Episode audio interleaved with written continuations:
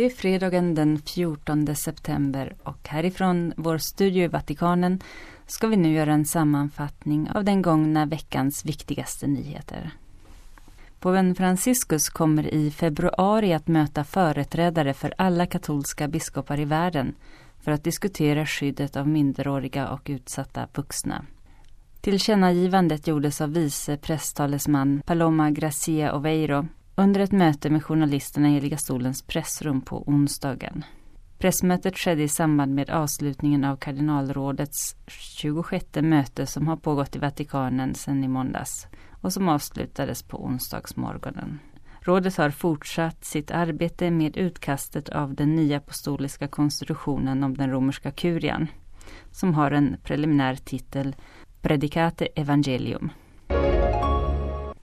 Det nya i världslig mening skiljer sig från Kristi nyhet. På måndagen firade påven Franciscus mässan i Sankta Martas kapell i Vatikanen och i sin predikan denna morgon fokuserade han på hur evangeliet förvandlar människan och att denna förvandling inte lämnar plats för hyckleri. Påven sa att den kristna vägen är martyrskap, för evangeliet får inte urvattnas. Man säger att det förekommer otukt bland er, till och med sådan otukt som inte finns ens bland hedningarna.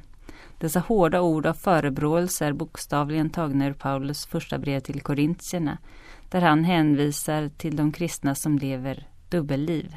Aposteln, sa påven, är mycket arg på dem som utåt skryter om att de är kristna och bekänner Jesus Kristus och samtidigt går hand i hand med en tolererad omoral. Paulus erinrar om att det behövs ny gäst för ny deg. Många människor, sa påven, försöker leva nyheternas kristendom. Idag får man göra så här. Man får leva så här. Dessa människor som följer det världen erbjuder att leva som nyhet har inte accepterat Kristi nyhet. De två står i motsättning till varandra. De som Paulus fördömer är ljumma, omoraliska människor. De är formella, falska hycklare, sa påven. Om du säger att du är kristen och lever en omoralisk livsstil är det hyckleri. Och påven avslutade med att säga att de som väljer Jesu nyhet måste gå samma väg som Jesus, martyriets väg. Martyrskap är inte alltid blodigt, utan en del av vardagen. Under vägens gång anklagas vi av motstridiga ståndpunkter, men, sa påven, vi får inte förhandla om Kristi nyheter. Vi får inte urvattna evangeliets budskap. Påven Franciscus sände ett meddelande till Nicaraguas president Daniel Ortega i samband med landets nationaldag den 15 september. Jesus, fridsfursten, ger alla gåvan till broderlig försoning och en fredlig och solidarisk samlevnad, skriver påven i sitt meddelande till presidenten. Påven sänder också sina hjärtliga hälsningar till landets söner och döttrar och försäkrar dem sina böner. Nicaragua firar sin nationaldag den 15 september för att minnas sina 197 års självständighet och detta mitt under den sociopolitiska krisen som har drabbat landet sedan april månad. Under Angelusbönen den 3 juni i år uttryckte påven sin smärta för våldet och de många döda och skadade. Och Nicaraguas biskopskonferens har erbjudit sig att medla mellan regering och motståndsrörelser men presidenten har vägrat detta. Och i sin predikan på tisdagen under morgonmässan i Sankta Martas kapell talade påven Franciscus om kyrkans biskopar och beskrev tre aspekter i en biskops uppdrag. I dessa tider verkar det som om den stora anklagaren har gått lös på biskoparna för att skapa skandal. Biskoparna måste därför komma ihåg tre grundläggande aspekter, sa påven. Deras styrka i att vara män i bön. Att vara ödmjuka i vetskap om att vara utvalda och förbli nära folket. Påven utgick från Lukas evangeliets sjätte kapitel i tisdagens liturgi i vilken Jesus tillbringar natten i bön innan han väljer de tolv apostlarna, det vill säga de första biskoparna, sa påven. Sedan gick Jesus ner på slätten till folket som kommit för att höra honom och helas av honom. Biskopen som älskar Jesus, sa påven, är inte en karriärklättrare som ser sin kallelse som en funktion på jakt efter chanser till framgång. Nej, biskopen vet att han är vald och detta leder honom till en dialog med Herren. Du valde mig, jag är liten och jag är en syndare. Biskopen är ödmjuk. Som vald av Jesus känner han dock hur Jesu blick följer hans existens och det ger honom styrka. Påven Franciscus bönenätverk Popes Worldwide Prayer Network inbjuder världens katoliker till en novena för kyrkan mellan den 12 till 20 september. Detta som konkret svar på påvens uppmaning i sitt brev till Guds folk till bön och bot med tanke på sexuella övergrepp i kyrkan. Höj våra röster, nio dagars bön för att hela och reformera kyrkan kallas novenan och den finns på sex språk på www.clicktopray.org. På lördag den 15 september avger påven Franciscus ett pastoralt besök på Sicilien. Först staden Piazza Armerina och sedan Palermo med anledning av 25-årsminnet av salige fader Giuseppe Puglisis martyrdöd. Under besöket kommer påven att möta troende, de lokala prästerna och ungdomar. I Piazza Armerina kommer påven Franciscus att möta volontärer och de som tjänar vid det lilla barmhärtighetshuset i Gela som är ett initiativ som har startats efter påvens idé. Och vid påvens besök kommer man att symboliskt överlämna huset i påvens vård. Fokus för påvens besök i Palermo kommer att vara minnet av fader Puglisi. Han dog martyrdöden då han sköts ihjäl av maffian 1993. Fader Puglisis bror berättar för Vatican News om hur han var familjens referenspunkt. Fader Puglisi läste mycket och hade lyssnandets gåva och ungdomar tydde sig till honom. Maffian hotade honom flera gånger och när de talade om detta inom familjen sa han med ett leende och nästan skämtsamt Men vad kan de göra mig? De kan högst döda mig. Påven Franciscus tog emot deltagarna i mötet Påven Franciscus ömhetsteologi på audiens. Och i sitt tal till dem talade han just om ömhet och teologi. Han sa att dessa två kan verka stå långt från varandra, att det ena är akademiskt och det andra relationsbaserat, men att vår tro i själva verket för dessa ord samman. Teologi kan inte vara abstrakt, sa påven, för att den kommer av mötet mellan ordet som blev kött. Teologin är alltså kallad att konkretisera Guds kärlek. Påven påpekade att teologin inte får förminskas till något känslomässigt men att den heller inte kan ignorera att man idag ofta talar känslomässigt om livsviktiga frågor eller sociala krav. Den gudomliga barmhärtigheten kan idag uppfattas bäst genom ömhet då man känner sig älskad. Ömheten avslöjar inte bara Guds faderliga ansikte utan även det moderliga. Att känna oss älskade betyder att lita på Gud. Påven sa att det är just korset som är den gudomliga ömhetens sigill. Guds ömhet får oss att förstå att kärleken är livets mening och så förstår vi att grunden till vår frihet aldrig är självreflekterande. Påven avslutade att dagens mission är alltså att förkroppsliga Guds ord för kyrkan och människan i det tredje årtusendet. Idag mer än någonsin behövs en ömhetsrevolution. Den kommer att rädda oss, avslutade påven. Påven Franciscus tog på torsdagen den 13 september emot de omkring 130 nya biskoparna som hade deltagit i kursen med temat Evangeliets glädjes tjänare och som hade anordnats av biskopskongregationen. I sitt tal bad påven biskoparna om att föra en dialog med sitt folk.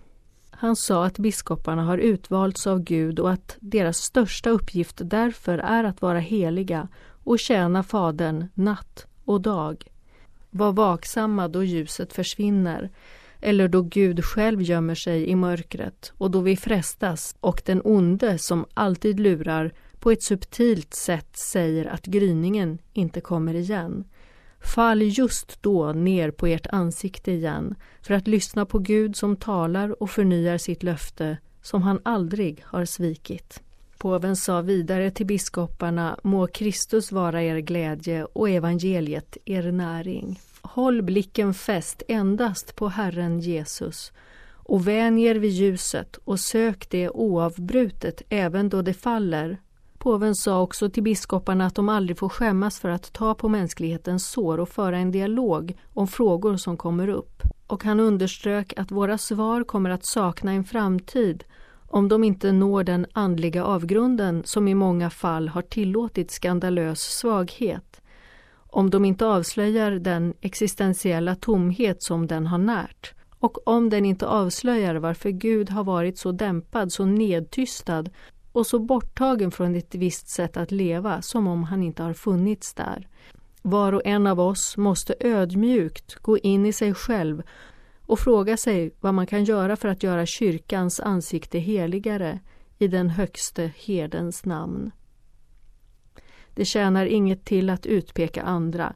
Här är det nödvändigt att arbeta tillsammans och i gemenskap, men alltid vissa om att den äkta heligheten är den som Gud utför i oss. Den heliga stolens pressrum berättar att Vatikanens domstol undersöker det Sixtinska kapellets körs ekonomiska förvaltning. För några månader sedan auktoriserade påven Franciscus en undersökning av körens ekonomiska och administrativa förvaltning och den pågår fortfarande. Och när påven Franciscus firade mässan igår på torsdagen i Sankta Martas kapell talade han om att det inte är lätt att vara kristen, men att korset gör oss lyckliga. Vägen som påven ännu en gång uppmanade de kristna till att följa är barmhärtighetens väg, som är en av de karaktäristiska egenskaperna av den kristna stilen.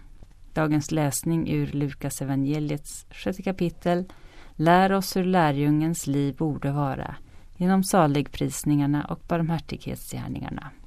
Påven sa att dagens liturgi fokuserar på fyra egenskaper i det kristna livet. Älska dina fiender. Behandla dem som hatar dig väl. Välsigna dem som förbannar dig och be för dem som behandlar dig illa. Kristna ska inte falla in i den världsliga logiken med att tala illa om varandra och förolämpa varandra som bara leder till konflikter utan istället se till att det finns tid att be för människor som irriterar en. Detta är den kristna stilen, det kristna sättet att leva på. Men om jag inte älskar mina fiender, om jag inte älskar dem som hatar mig och välsignar dem som förbannar mig och ber för dem som behandlar mig illa, är jag inte kristen då? Jo, sa påven, du är kristen för att du är döpt, men du lever inte som en kristen, du lever som en hedning i en världslig ande. Bara den barmhärtiga liknar Gudfadern.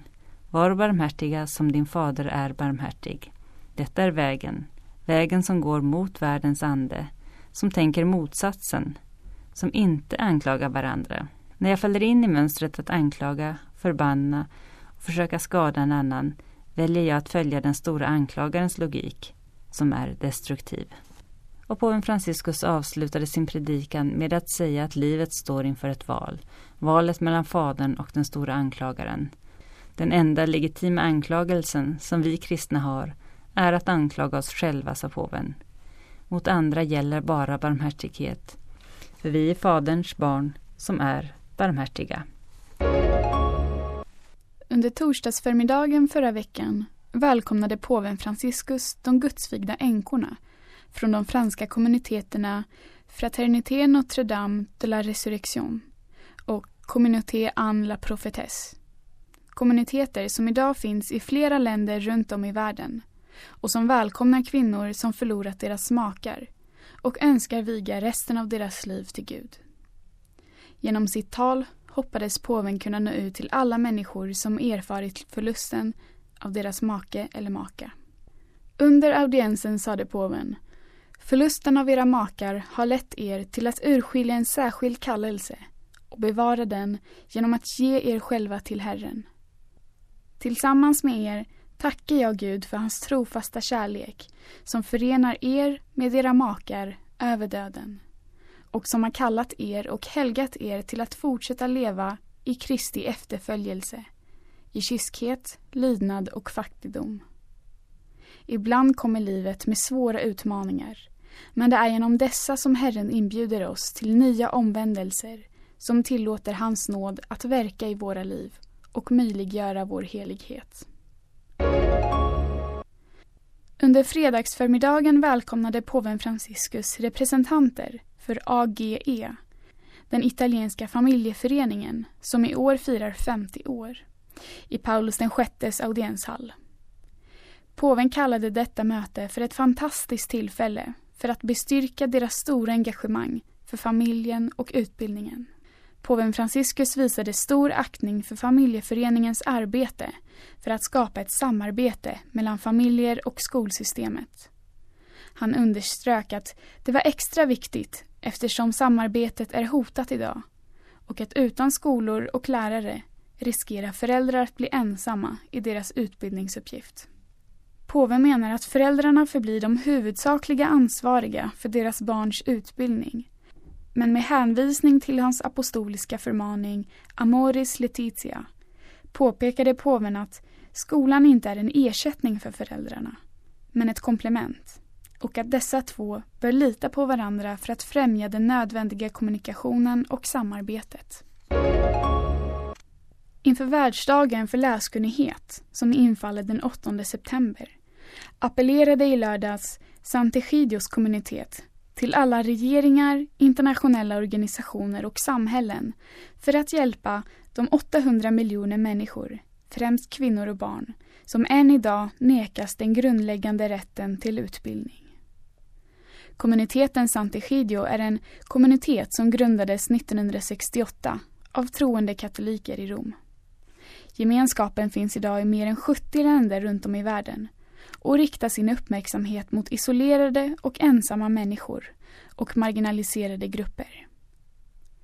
Unesco har varje år sedan 1966 uppmärksammat den internationella läskunnighetsdagen den 8 september. Läskunnighet är en förutsättning för att utrota fattigdom, uppnå jämställdhet och för att skapa hållbara, välmående och fredliga samhällen. Under söndagens Angelus reflekterade påven Franciscus över söndagens evangelium som berättar om Jesu mirakulösa helande av en döv och stum man. Påven Franciscus uppmanar oss till att inte själva bli eller förbli döva och stumma när vi står ansikte mot ansikte med människor som lider.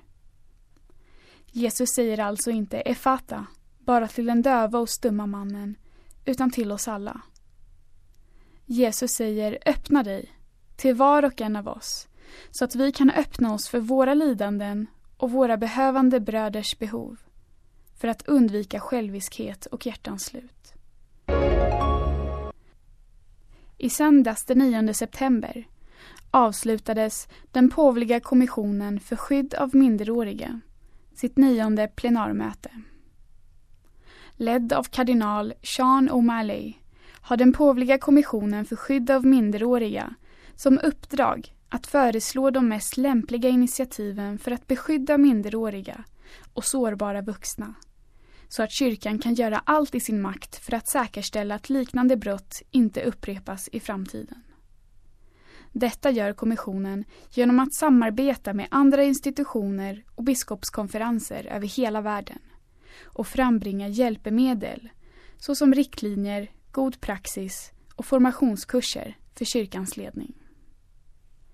Kardinal O'Malley underströk i det pressmeddelande som kommissionen släppte den 9 september att det självklart ingår i kommissionens uppdrag och ansvar att lyssna på de sexuella övergreppens offer och deras berättelser. Och det var alltså en sammanfattning av veckans viktigaste nyheter.